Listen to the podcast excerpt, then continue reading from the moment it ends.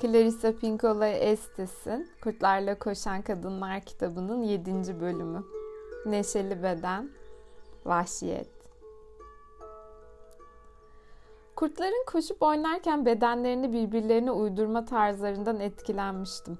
Yaşlı kurtlar kendi tarzlarında, gençler kendi, sıskalar, şişkolar, uzun bacaklılar, kuyruğu kesikler, sarkık kulaklılar, kırılan bacakları çarpık bir şekilde iyileşenler hep kendi tarzlarına sahiplerdi.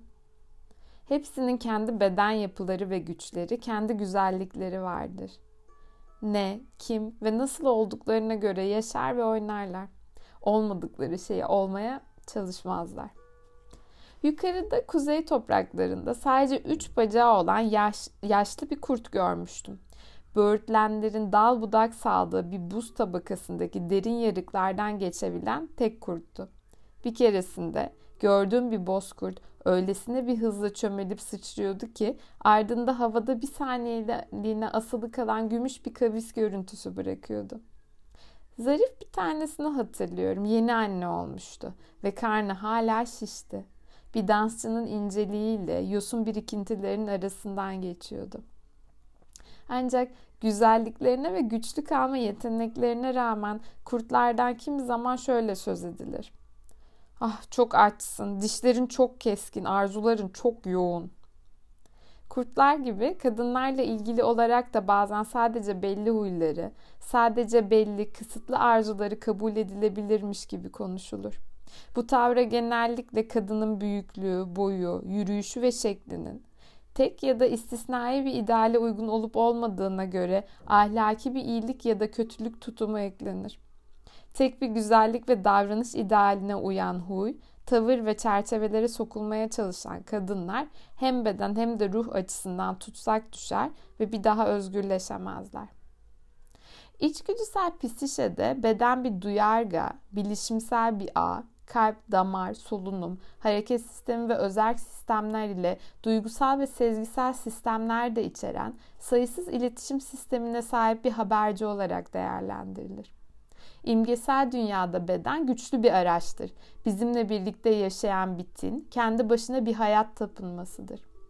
Peri masallarında insanüstü nitelik ve yeteneklere sahip olan büyülü nesneler şeklinde kişiselleştirilen bedenin biri fani dünyada işitmek için, diğeri ruhu için iki tip göze, kasların gücü ve ruhun görülmez kuvveti olmak üzere iki tür kuvvete sahip olduğu düşünülür. Beden konusundaki benzeri ikili anlatımların listesi uzar gider. Feldenkrais yönetiminde Ayurveda'da ve diğerlerinde beden çalışması sistemlerinde bedenin alışılmıştan farklı olarak 5 değil 6 duyuya sahip olduğu düşünülür.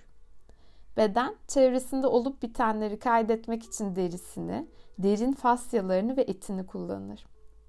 Rosetta taşı gibi nasıl okunacağını bilenler için beden verilen hayatın, alınan hayatın, umulan hayatın, iyileşen hayatın canlı bir kaydıdır. Anlık tepkileri kaydetme, derinden hissetme ve ileriyi duyumsamaya yönelik açık yeteneğinden dolayı ona değer verilir.'' Beden çok dilli bir varlıktır. Rengi ve ısısıyla, tanımanın heyecanıyla, sevginin parıltısıyla, acının külüyle, uyarılmanın ateşiyle, inançsızlığın soğukluğuyla konuşur. Kimi zaman iki yana salınarak, kimi zaman titreyerek, kimi zaman küçük adımlar atarak aralıksız süren ufak danslarıyla konuşur. Kalbin hoplamasıyla, şevkin azalmasıyla, kaygılarını bastırmasıyla ve umudun yükselişiyle konuşur.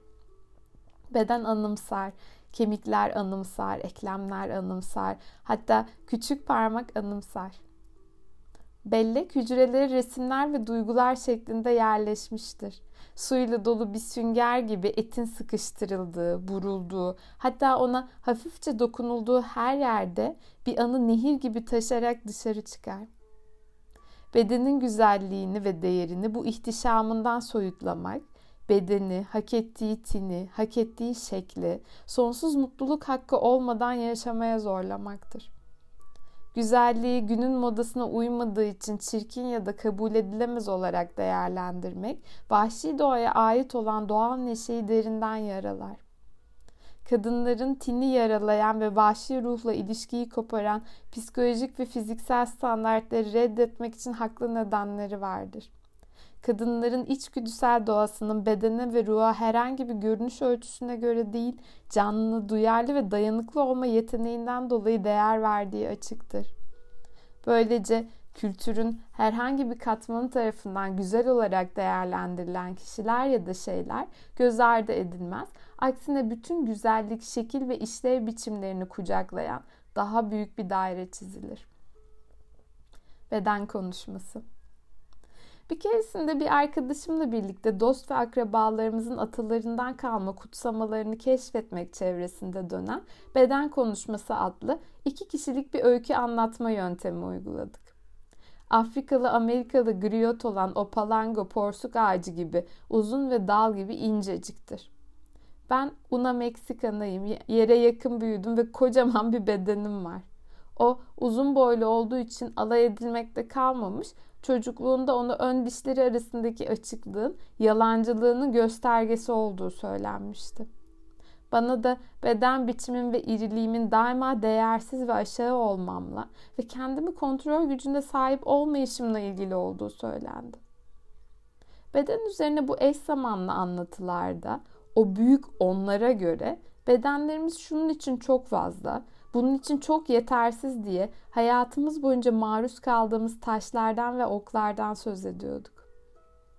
Anlatımızda zevk almamıza izin verilmeyen bedenlerimiz üzerine bir yaz şarkısı söylüyorduk.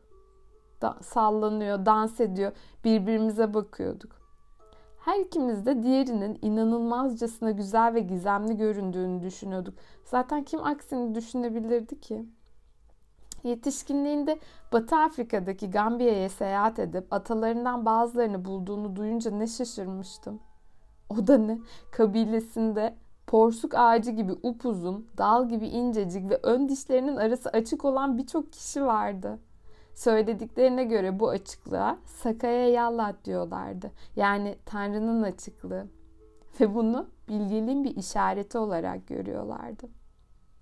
Yetişkinliğimde Meksika'daki Toantepec Boğazı'na seyahat edip atalarımdan bazılarını bulduğumu anlattığımda o da en az benim kadar hayrete düşmüştü.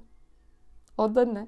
Güçlü, işveli ve ihtişamlı cüsseleri olan dev gibi kadınlardan oluşan bir kabileydi bu. Sırtıma hafifçe vurup beni aniden kendilerine çekmiş ve fütursuzca yeterince şişman olmadığımı söylemişlerdi. Yeterince yemiyor muydum? Hasta mıydım yoksa? İşi daha sıkı tutmam gerektiğini anlattılar. Çünkü kadınlar La Tierra'ydılar. Yeryüzünün kendisi gibi yuvarlak yapılmışlardı. Çünkü yeryüzü çok fazla şeyi içine alıyordu.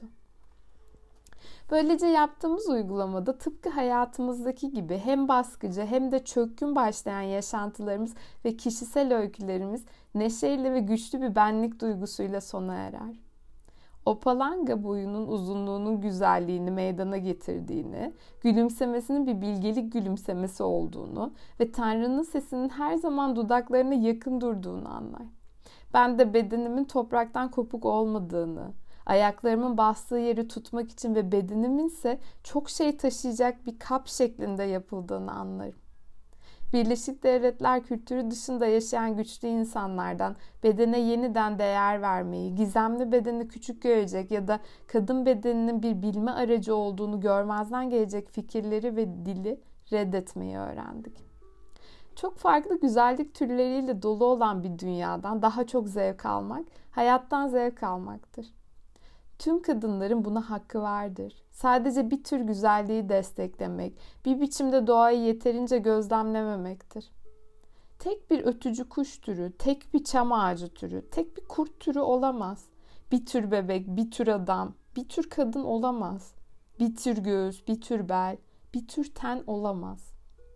Meksika'daki iri kadınlarla yaşadıklarım, kadınların büyüklükleri ve biçimleriyle ve özellikle de ağırlıklarıyla ilgili tüm analitik önermeler kümesini sorgulamama neden oldu. Özellikle eski bir psikanalitik önerme gülünç ve hatalı gibi görünüyordu. Tüm iri kadınların bir şeye açlık duydukları, içlerinde dışarı çıkmak için feryat eden narin yapılı birinin bulunduğu düşüncesi bu. Bu feryat eden narin kadın metaforunu Tehuana kabilesini görkemli kadınlarından birine çıtlattığımda bana biraz endişeyle baktı. Bir iblisin etkisi altında girmeyi mi kastediyordum? Böyle kötü bir şeyi kim bir kadının içine koymuş olabilir diye sordu. Doğuştan iri olduğu için şifacıların ya da başka herhangi birinin o kadının içinde feryat eden başka bir kadın bulunduğunu düşünmesi onun anlayışının ötesindeydi. Beden büyüklüğünü ve beden imgesini çarpıtan baskıcı ve yıkıcı yeme bozuklukları gerçek ve trajik olmakla birlikte bunlar çoğu kadın için norm değildir. İri ya da ufak, geniş ya da dar, kısa ya da uzun olan kadınların böyle olmalarının nedeni büyük olasılıkla akrabalarından beden şekillerini miras almış olmalarıdır. Şu andaki akrabalarınınki değilse bile bir ya da iki kuşak geridekilerin bedenlerini miras alırlar. Bir kadının miras aldığı fiziksel özelliklerini yermek ya da yargılamak, kuşaklar boyunca kaygılı ve nörotik kadınlar yaratmaktadır. Bir kadının miras aldığı biçim üzerine yıkıcı ve dışlayıcı yargılarda bulunmak, onu çok önemli ve değerli bazı psikolojik ve tinsel hazinelerden yoksun bırakır. Onu kendi ataları tarafından verilmiş olan beden tipinden duyduğu gururdan yoksun bırakır. Ona bu bedensel mirası küçük görmesi öğretilirse, o da ailesinin geri kalanıyla kurduğu kadınsı bedensel özdeşimi kıyasıya eleştirip ondan uzaklaşır. Eğer ona kendi bedeninden nefret etmesi öğretilirse, annesinin onunkiyle aynı şekilde sahip olan bedenini nasıl sevebilir? Ya büyük annesinin bedenini? Peki ya kızlarının bedenlerini? Atalarının beden yapılarını ve biçimlerini miras almış olan, ona yakın diğer kadınların ve erkeklerin bedenlerini nasıl sevebilir? Bir kadına bu şekilde saldırmak, onun kendi halkıyla ilişkisinden duyduğu haklı gururu yok eder ve onu boyu, endamı, şekli ne olursa olsun bedeninde hissettiği doğal ritimden yoksun bırakır. Kadınların bedenlerine yönelik saldırı özünde kendisinden öncekilere olduğu kadar ondan sonra gelecek olanlara da yönelik uzun menzilli bir saldırıdır. Bedenin kabul edilebilirliği ile ilgili acımasız yargılar, kamburu çıkmış uzun boylu kızlardan, cambaz ayaklığı üzerinde kısa üzerindeki kısa kadınlardan, yastaymış gibi giyinen iri kadınlardan, engerek yılanları gibi tıslayarak dışarı çıkmaya çalışan incecik kadınlardan ve çeşitli şekillerde gizlenmiş daha başka kadınlardan ulaşan bir ulus yaratır bir kadının doğal bedeniyle arasındaki içgüdüsel yakınlığın yok edilmesi, onu kandırıp güvenini elinden alır. İyi bir insan olup olmadığı konusunda düşünüp durmasına neden olur ve benlik değerini kim olduğu üzerine değil, nasıl göründüğüne dayandırır. Tüketilen besinler, tartı değerleri ya da mezure ölçümleri konusunda endişelenerek enerjisini tüketmeye zorlar zihnini sürekli meşgul tutar. Yaptığı, planladığı ve öngördüğü her şeyi etkiler bu. İçgüdüsel dünyada bir kadının görünüşle bu kadar meşgul yaşaması düşünülemez bile. Sağlıklı ve güçlü kalmak, beden için olabildiğince besleyici olmak çok önemli. Ayrıca birçok kadının özünde aç olduğu konusunda hemfikir olmam gerekir.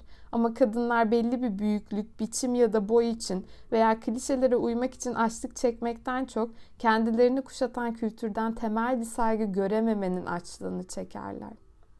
İçerideki aç saygı görmeyi, kabul edilmeyi ve en azından klişeleştirilmeden karşılanmayı özlemektedir. Eğer gerçekten dışarı çıkmak için feryat eden bir kadın varsa, bu feryadı başkalarının onu kendi bedeninde, yüzüne, yaşına yönelik saygısız yansıtmalarının sona ermesi içindir. Kadınların bedensel çeşitliliklerinin hastalıklı kılınması birçok psikoloji kuramcısı en belirgin olarak da Freud tarafından onaylanan büyük bir yanlılık ve önyargılılık halidir. Örneğin babası Sigmund Freud üzerine yazdığı kitabında Martin Freud bütün ailenin şişman insanları nasıl faal bir şekilde küçümseyip alay ettiğini anlatır. Freud'un görüşlerinin gerekçeleri bu çalışmanın kapsadığı alanın ötesindedir. Bununla birlikte böyle bir tutumun kadınların bedenlerine yönelik dengeli bir bakış açısı geliştirilmesine nasıl yardımcı olabileceğini anlamak zordur. Ancak psikoloji alanındaki farklı uygulamacıların doğal bedene karşı bu yanlı ve ön yargılı tutumu elden ele aktarmaya devam ettikleri, ettiklerini, kadınları sürekli bedenleri üstünde odaklaşmaya özendirdiklerini ve böylece onları verili şekilleriyle daha derin ve güzel ilişkiler kurma şansından yoksun bıraktıklarını söylemek yeterlidir bedenlerine ilişkin olarak hissettikleri yoğun kaygılar, kadınları yaratıcı hayatlarından ve başka şeylerle ilgilenme gücünden büyük ölçüde yoksun bırakmaktadır. Bedeni biçimlendirmeye yönelik bu özendirme, bizzat yeryüzünün etinin katmanlarının yontulmasına, yakılmasına, kabuğunun soyulmasına, kemiklerine dek ayrılmasına çok benzemektedir. Kadınların pisişelerinde ve bedenlerinde bir yara varsa, Kültürün kendisinde ve hatta doğanın kendisinde buna uygun düşen bir yara vardır. Gerçek bir bütüncül psikolojide bütün dünyalar ayrı ayrı değil, karşılıklı bağımlı varlıklar olarak anlaşılır. Kültürümüzde kadının doğal bedeninin yontulmasına dair bir sorun varken, çevremizdeki doğanın yontulmasına ve yine kültürün günün modasına uygun parçalara yontulmasına dair buna denk düşen bir sorunun bulunması şaşırtıcı değildir. Bir kadın kültürün ve yeryüzünün parçalanmasını bir gecede durduramayabilir ama kendi bedenine bunu yapmayı bırakabilir. Vahşi doğa bedenin, kültürün ve toprağın acı çekmesini asla önermez. Vahşi doğa değerini kanıtlamak, kontrolünü göstermek, karakterini ispatlamak, görsel olarak daha hoş, mali olarak daha değerli olmak için biçimin dövülmesine asla razı göstermez. Asla rıza göstermez. Bir kadın değiş diyerek kültürü daha bilinçli kılamaz ama kendisine yönelik tutumunu değiştirebilir ve böylece de değersizleştirici yansıtmaların kaldırıp atılmasını sağlayabilir. Bunu bedenini geri alarak yapar. Doğal bedeninin sevincini terk ederek değil. Mutluluğun sadece belli bir şekle ya da yaşa sahip olanlara bağışlandığı şeklindeki popüler yanılsamaya aldanarak değil. Herhangi bir şeyi yapmak için bekleyerek ya da geri adım atarak da değil. Gerçek hayatını geri alarak ve onu tüm kapasitesiyle yaşayarak yapar. Bu dinamik kendini kabullenme ve kendine değer verme tutumu kültürdeki bakış açılarının değişimini başlatacaktır. Peri masallarındaki beden Bedenin zaaflarını ve vahşiliğini anlatan birçok mit ve masal var değerli madenlerle uğraşan topal Yunanlı Hephaestus, iki bedene sahip olan Meksikalı Hartar, denizden doğan Venüs, çirkin ama yeni hayat yaratabilen küçük terzi, kuvvetleri için elde edilmeye çalışılan büyük dağların kadınları, büyülü bir şekilde yolculuk yapabilen Tambelin ve daha pek çoğu. Peri masallarında bazı büyülü nesneler taşıyıcı ve duysal yeteneklere sahiptir. Bunlar büyülü yaprak, sihirli halı, bulut gibi beden için uygun metaforlardır. Kimi zaman da pelerin, ayakkabı, kalkan, şapka ve miğfer gibi nesneler görünmezlik, üstünlük, uzağa görme gibi güçler verir. Bunlar arketipsel olarak akraba olup fiziksel bedenin derinleşmiş bir içgörüye, işitme ve uçma gücüne ya da gerek ruh gerekse beden için bir tür korumaya sahip olmasını sağlar atlı arabaların bulunmasından, hayvanların taşıma ve binme için evcilleştirilmesinden önce kutsal bedeni temsil eden motifin büyülü nesne olduğu görülmektedir. Giyim eşyaları, nazarlıklar, tılsımlar ve diğer nesneler belli bir şekilde ilişkilendirildiklerinde insanları nehrin ya da dünyanın öte tarafına taşıyorlardı. Sihirli halı, doğal bedenin duysal ve psişik değerini gösteren mükemmel bir simge. Uçan halı motifinin göründüğü peri masalları kültürümüzde bedene yönelik çok da bilinçli olmayan tutumu taklit eder. İlkin sihirli halının çok sıradan olduğu ve çok da değerli olmadığı düşünülür. Ama onun sık dokunmuş tüyleri üstüne oturup yüksel diyenler için halı aniden titrer, biraz yükselir, havada süzülür ve sonra hızla uçarak uzaklaşır. Binen kişiyi farklı bir yere, merkeze, farklı bir bakış açısına ve bilgiye taşır.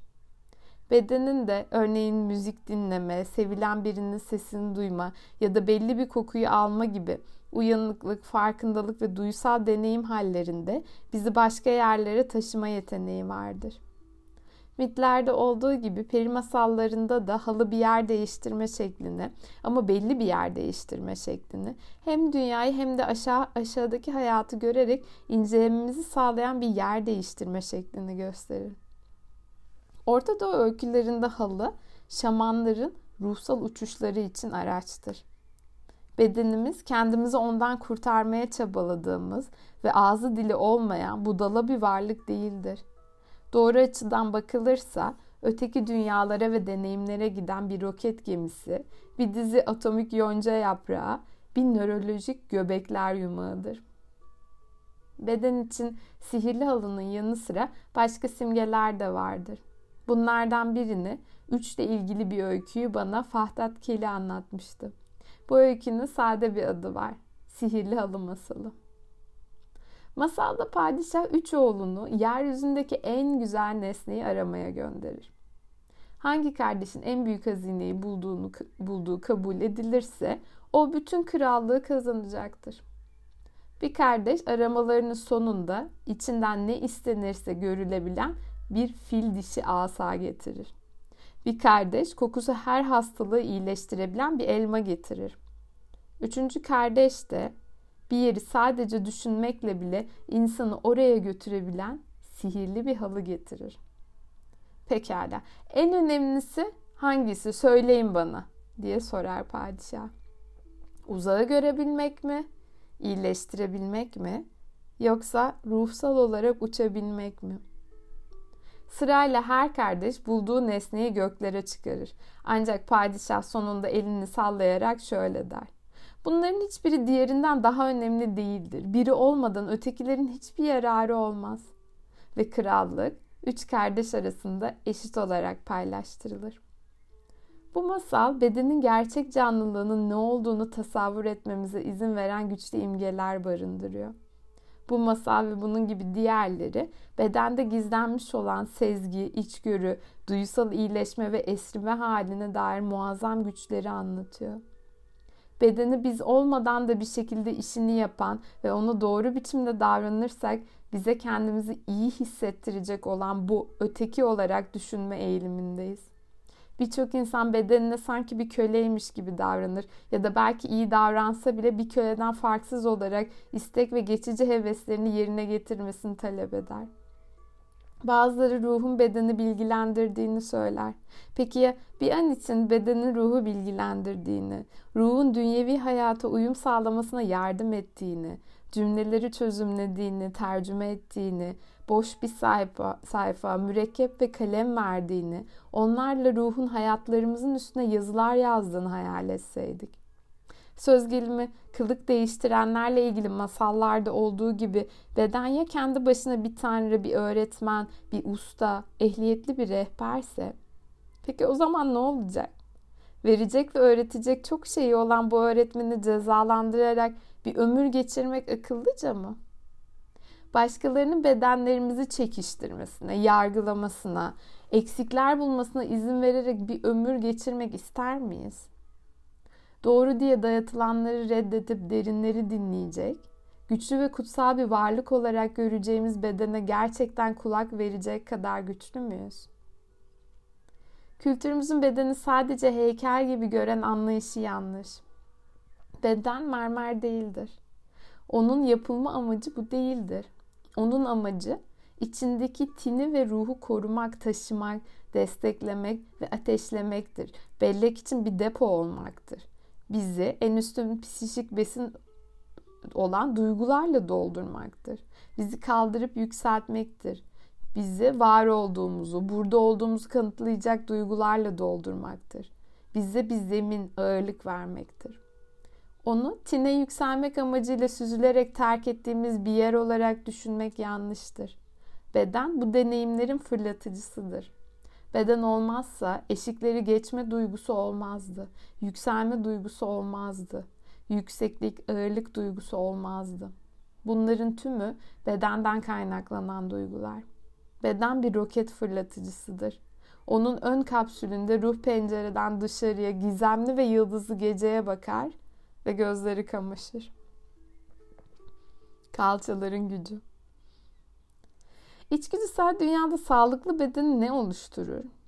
En temel düzeyde göğsün, karnın, cildin olduğu her yerde, duyguları taşıyan sinir hücrelerinin olduğu her yerde sorun hangi biçim, hangi boyutluk, hangi renk, hangi yaş değil ama hissediyor mu? Amaçlandığı gibi çalışıyor mu? Tepki verebiliyor mu? Bir duygular yelpazesi algılıyor mu? Sorunu.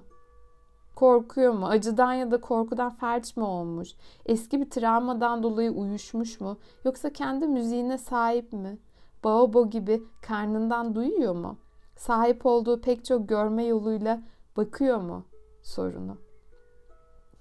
20'li yaşlarımın başındayken beni etkileyen iki deneyim yaşadım.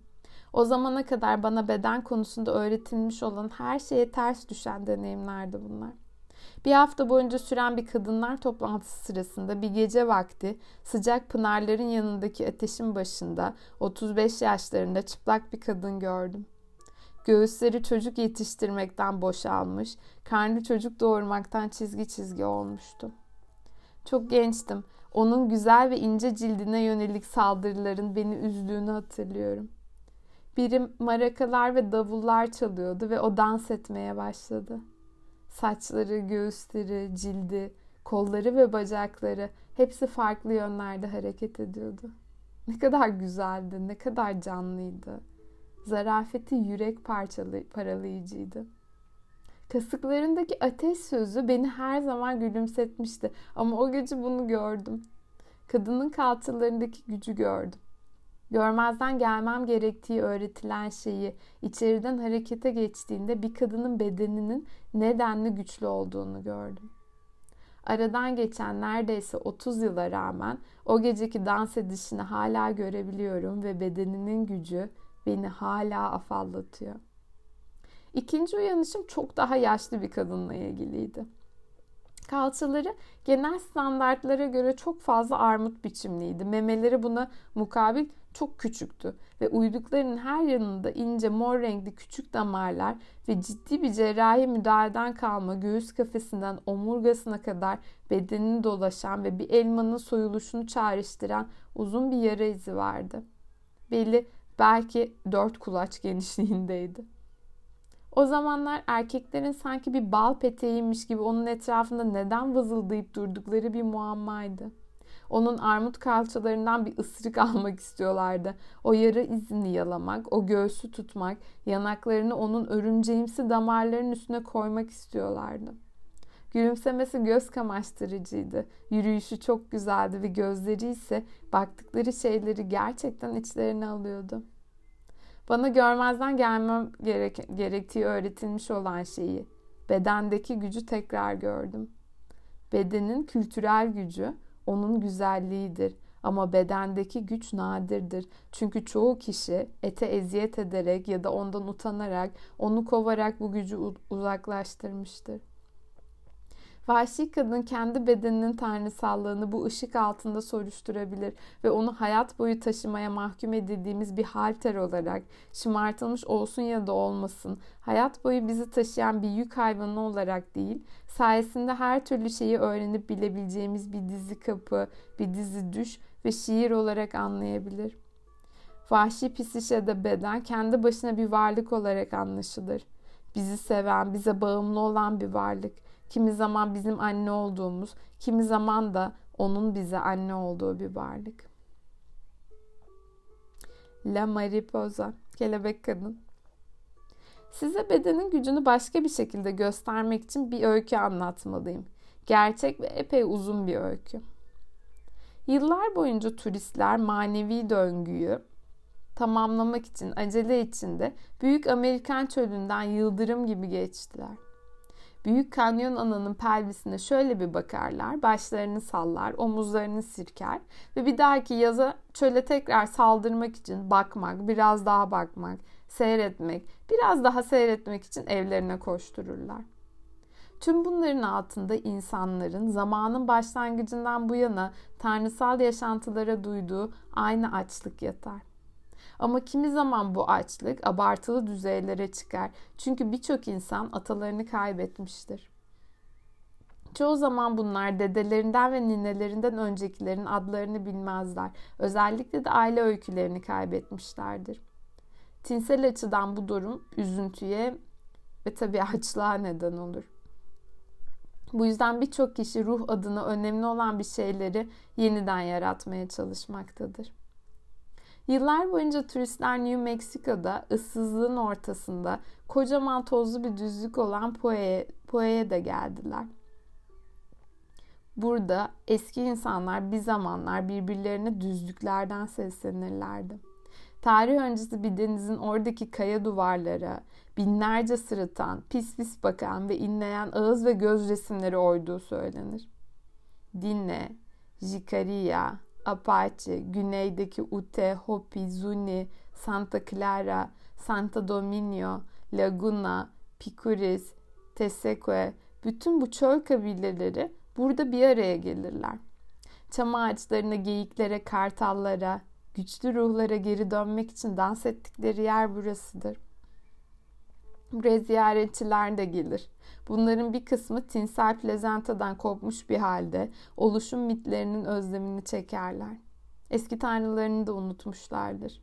Unutmamış olanları seyretmeye gelirler. Puya'ya çıkan yol at toynakları ve makosenler için yapılmıştır. Ama zaman içinde otomobiller giderek güçlenmiştir ve artık hem yerliler hem de ziyaretçiler buraya her türden araba, kamyon, kamyonet ve ciplerle gelirler. Araç hortumları ve dumanlar yolu yavaş ilerleyen tozlu bir geçit resmine çevirir. Herkes ister istemez yağmur yumru tümsekler üstüne park eder. Öğleye doğru düzlüğün yamacı bin arabalık bir yığına benzer. Bazıları arabalarından çıkarken bitkileri kolaylıkla çiğneyip kendilerine yol açabileceklerini düşünerek altı ayak boyundaki hatmi çiçeklerinin yakınına park ederler. Ama yüzlerce yıl yaşındaki hatmi çiçekleri yaşlı demir kadınlara benzer. Onlara yakın park edenler arabalarında kısılır kalırlar. Güneş öğleye doğru kızgın bir ocağa döner. Herkes ateş kesilmiş ayakkabılarıyla zar zor yürür. Yağmur yağar diye ki yağar. Şemsiyeler yorulurlar diye ki yorulurlar. Katlanır bir alüminyum sandalye ve ziyaretçiyseler belki bir kamera o da izin verilirse yüklenmiştir. Boyunlarında sarımsak demetleri gibi sarkan yığınla film kutusu asılıdır. Ziyaretçiler kutsal olanlardan küfür sayılanlara kadar her türden beklentiyle gelirler.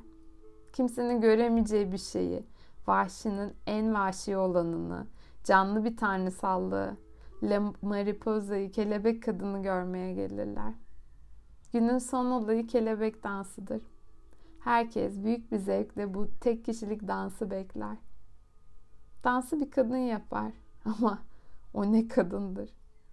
Güneş batmaya başlarken 40 poundluk resmi turkuaz giysisiyle göz kamaştırıcı yaşlı bir adam gelir. Çaylak görmüş piliç gibi ciyaklayan hoparlörlerle 1930'lardan kalma kron mikrofona fısıldar. Ve bundan sonraki dansımız kelebek dansı olacak. Kot pantolonun paçaları üzerinde topallayarak uzaklaşır. Gösterinin anons edilip perdelerin açıldığı ve dansçıların sallanarak çıktığı bir bale resitalinden farklı olarak burada, Puye'de diğer kabile danslarındaki bir dansın anons edilmesiyle dansçının ortaya çıkması arasındaki zaman 20 dakikadan sonsuza kadar uzayabilir. Dansçı nerededir? Belki kampçıları derleyip topluyordur. 40 derecenin üstünde hava sıcaklıkları sık görülür. Bu yüzden bedene sürülen boyalar terle çizgi çizgi olduğundan son dakika rötuşları gerekmektedir. Dansçının büyük, büyük babasına ait olan bir dansçı kemeri yolu yarıp arenaya düşerse dansçı hiç görünmeyecektir. Çünkü kemerin ruhunun dinlenmeye ihtiyacı vardır. Dansçılar gecikirler çünkü Radyo Taos Tony Luha'nın yerli saatinde güzel bir şarkı çalmaktadır. Kimi zaman dansçılardan biri anonsu duymaz ve bir habercinin gidip çağırması gerekir. Derken dansçı elbette her zaman arena yolu üzerindeki bütün akrabalarla konuşmalı ve mutlaka küçük yeğenlerinin görünüşünü düzeltmek için duraklamalıdır. Kuşkulu kuşkulu bakan, kule gibi yüksek ve bir parça Thomas amcayı hatırlatan Katsine hayaleti ya da Yeziye teyzeye çok benziyor gibi görünen bir ikin dansçısı gören küçük çocuklar çok korkarlar. Son olarak dansçının akrab arabanın susturucusu hav- havayı rüzgar yönünde bir kilometre boyunca kara bir dumana boğarken ayaklarını bir pikabın arkasından sallandırmış bir halde Tesikue otoyolundan çıkıverme olasılığı da her zaman vardır. Telaşlı bir merakla kelebek dansını bekleyen herkes bir yandan da omuzları çıplak, yanakları parlak pembe halkalar çizilmiş, eski kırmızı ve siyah giysileriyle dans eden Zuni kızlarının güzelliği ve kelebek kızlar hakkında gevezelik eder. Kollarına ve bacaklarına çam dalları bağlanmış bir şekilde dans eden delikanlı geyik dansçıları överler. Zaman geçer, geçer ve geçer. İnsanlar ceplerindeki bozuklukları şıngırdatırlar, dişlerini emerler. Ziyaretçiler bu olağanüstü kelebek dansını görmek için sabırsızlanırlar. Sonra beklenmedik bir şekilde, çünkü herkes sıkıntıdan kaşlarını çatmıştır, davulcunun kolları kutsal kelebek ritmini vurmaya başlar ve şarkıcılar olanca güçleriyle Tanrı'ya yakarmaya başlarlar. Ziyaretçiler için kelebek nefis bir şeydir. Ey kırılgan güzellik diye düş görürler. Bu yüzden Maria Luhan zıplayarak dışarı çıktığında mecburen sarsılırlar. Ve o kocamandır. Gerçekten iridir. Willendorf Venüsü gibi, günlerin anısı gibi, bileğinin tek bir kıvrılışıyla Meksiko City'yi inşa eden Diego Rivera'nın efsanevi büyüklükteki kadını gibi kocamandır. Ve Maria Lujan çok yaşlıdır. Çok, çok yaşlı. Topraktan geri gelen bir kadın gibi, eski nehir gibi yaşlı. Orman sınırındaki yaşlı çamlar kadar yaşlı. Omuzlarından biri çıplaktır. Kırmızı ve siyah mantası yani battaniye elbisesi içinde onunla birlikte zıplar.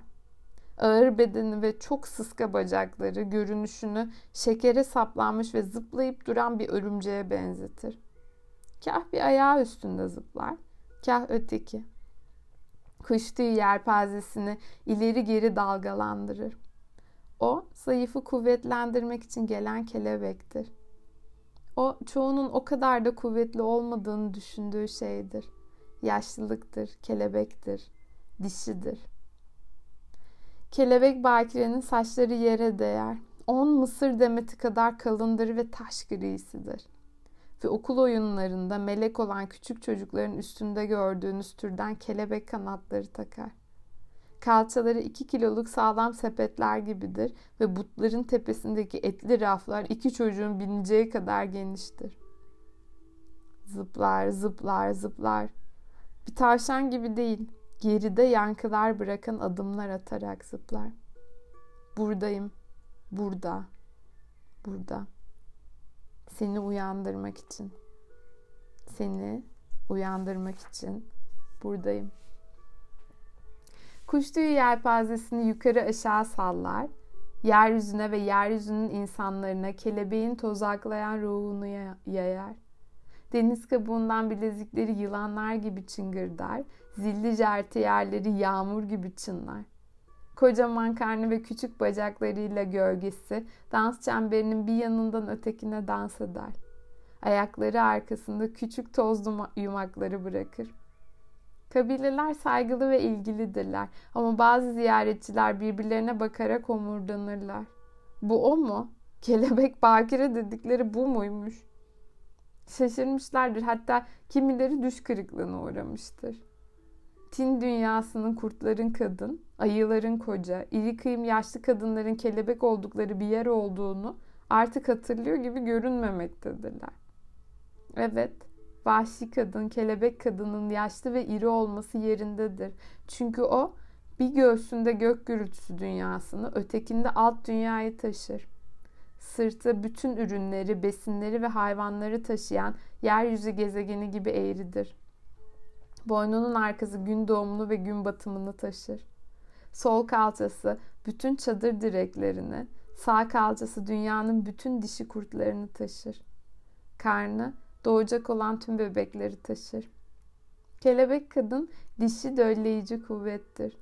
Tıpkı ruhun gece düşleriyle zihni döllemesi gibi, tıpkı arketiplerin dünyevi dünyayı döllemesi gibi, o da polenleri bir yerden başka bir yere taşıyarak çapraz dölleme yapar. O merkezdir. Şuradan biraz alıp oraya koyarak karşıtları bir araya getirir. Dönüşüm bundan daha karmaşık değildir. Onun öğrettiği şey budur. Kelebeğin çalışma tarzı budur. Ruhun çalışma tarzı budur. Kelebek kadın sadece eziyet çekenlerin, aziz olanların ya da sadece efsanevi güçleri olanların dönüşüme uğrayabileceği yönündeki hatalı fikri düzeltir. Benliğin dönüşmek için dağları taşıması gerekmez. Biraz yeterlidir. Biraz çok yol kat eder. Biraz çok şeyi değiştirir. Dölleyici kuvvet dağların hareketinin yerini alır. Kelebek bakire yeryüzünün ruhlarının tozlarını savurur. Bu düşündüğümüzden daha kolaydır der. Kuş tüyü yelpazesini sallamaktadır ve zıplamaktadır. Çünkü orada olan herkesin, yerli Amerikalıların, küçük çocukların, ziyaretçilerin, herkesin üzerine tinsel polenler saçmaktadır. Bütün bedenini bir kutsama olarak kullanmaktadır. Yaşlı, narin, kocaman, kısa bacaklı, kısa boyunlu, benekli bedenini. Bu vahşi doğasıyla bağlantıda olan kadındır. İçgüdüsel olanın çevirmenidir. Dölleyici kuvvettir, onarıcıdır. Eski film fikirlerin anımsatıcısıdır. La voz mitolojikadır. Kişiselleştirilmiş vahşi kadındır. Kelebek dansçısı yaşlı olmalıdır çünkü yaşlı olan ruhu temsil eder. Geniş kalçalı, etli butludur çünkü çok şey taşır. Gri saçları, başkalarına dokunmayla ilgili tabuları artık gözetmeye ihtiyacı olmadığını onaylar. Onun herkese dokunmasına izin vardır. Oğlanlara, bebeklere, erkeklere, kadınlara, kız çocuklarına, yaşlılara, hastalara ve ölülere. Kelebek kadın herkese dokunabilir. Her şeye dokunmak nihayet onun ayrıcalığıdır. Bu onun gücüdür. Onunki La Mariposa'nın, kelebeğin bedenidir. Beden toprak gibidir. Kendine yeten bir arazidir. Aşırı, aşırı yapılaşmaya, parsellere bölünmeye, kesilip koparılmaya, altının oyulmasına ve gücünün kırpılmasına her arazi parçası gibi duyarlıdır. Vahşi kadın ıslah projelerinden kolaylıkla etkilenmez. Onun için sorun nasıl şekilleneceği değil, nasıl hissedeceğidir. Şekli ne olursa olsun göğsün hissetme ve besleme işlevi vardır. Besliyor mu? Hissediyor mu? O iyi bir göğüstür. Kalçalar bir nedenden ötürü geniştirler. İçlerinde yeni hayat için satenli fil dişinden bir beşik vardır. Bir kadının kalçaları bedenin hem yukarısı hem de aşağısı için demirdir, ana kapıdır, rahat bir yastık, sevginin tutamakları, çocukların arkasına saklanacakları bir yerdir. Bacaklar bizi götürmek, kimi zaman ileri doğru iteklemek için düşünülmüştür. Kalkmamıza yardımcı olan makaralardır, anilyodur, bir sevgiliyi kuşatmaya yarayan halkalardır. Çok fazla bu ya da çok fazla şu olamazlar. Neyseler odurlar. Bedenlerde olması beklenen herhangi bir şey yoktur. Sorun şeklin büyüklüğü ya da yıllar hatta her şeyden iki tane olması da değildir. Çünkü bazıları öyle değildir. Vahşi soru şudur. Bu beden hissediyor mu? Zevkle, yürekle, ruhla, vahşi olanla doğru bağlantısı var mı? Mutluluğa ve sevince sahip mi?